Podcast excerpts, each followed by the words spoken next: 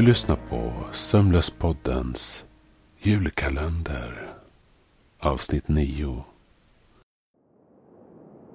Alfheim och Krampus lämnade snögubben med de stränga stenögonen och munnen. En obehaglig energi omringade den som fick dem båda att rysa till än mer i den bitande vinterkylan. När Alfheim kastade en blick på snögubben efter att ha vänt ryggen mot parkeringen så var han helt säker på att den rört sig. Inte mer än fem centimeter eller så. Men han kunde svära på att den nu var närmare bruket. De fortsatte ut mot vägen. Krampus höll stygglistan i sina frusna nävar. Trots att klockan var ett på natten verkade Hannes prick röra sig aktivt. Alfheim och Krampus tog sig in mot ett litet bostadsområde. Det var några röda hus med vita knutar. Taken täckta av ett tjockt lager snö. Den lilla pricken på stygglistan började röra sig mot dem. Tills en liten pojke i varm jacka och mössa uppenbarades. Han kastade snöbollar mot ett staket på ett aggressivt sätt. Alfheim bromsade upp en förvånad Krampus. Låt mig sköta det här. Du kommer bara skrämma honom. Sa nissen bestämt. Ursäkta, vet du vem du pratar med? Jag ser fram emot att se dig misslyckas. Jag står här borta vid lyktstolpen så länge och väntar. När du är klar med ditt taffliga första försök så kommer jag och räddar upp situationen. Nissen gick avslappnat fram emot pojken. Tja, Hej. Vem är du? Alle. Du? Hannes. Kan du inte bara försvinna härifrån? Ser du inte att jag vill vara ensam? Vad är det som hänt? Frågade Alfheim. Det är min farsa.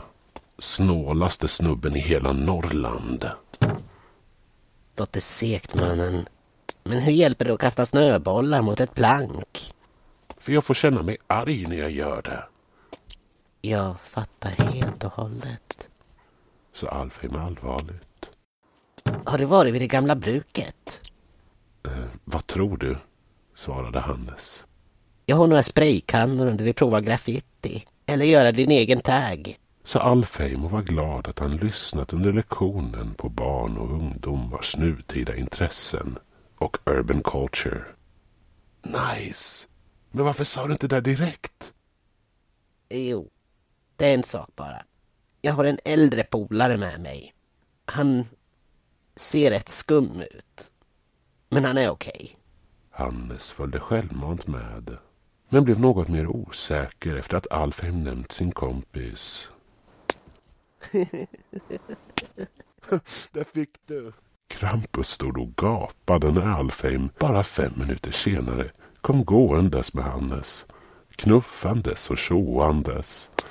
De kastade snöbollar på varandra och verkade faktiskt ha det genuint roligt. Är det han, Alle? Viskade Hannes i Alfheims öra. Ja, God kväll! Mitt namn är Krampus, sa Krampus på sitt vanliga energiska vis. Alltså, du har inte tagit mig till någon blottare eller något. Han verkar ju sjukt creepy. nej då. Han är okej. Alfheim vände sig till Hannes. Det är han som betalar för alla spraykannor. Så försök vara schysst. Hannes nickade förståendes.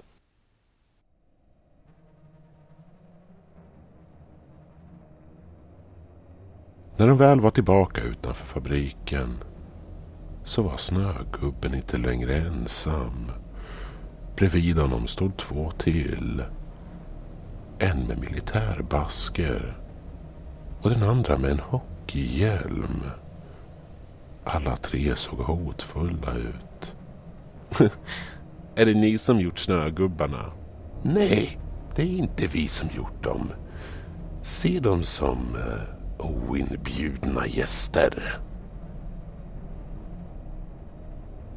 Snögubben i hög hatt rörde sina långa kvistar till armar och gjorde en ansträngd inandning.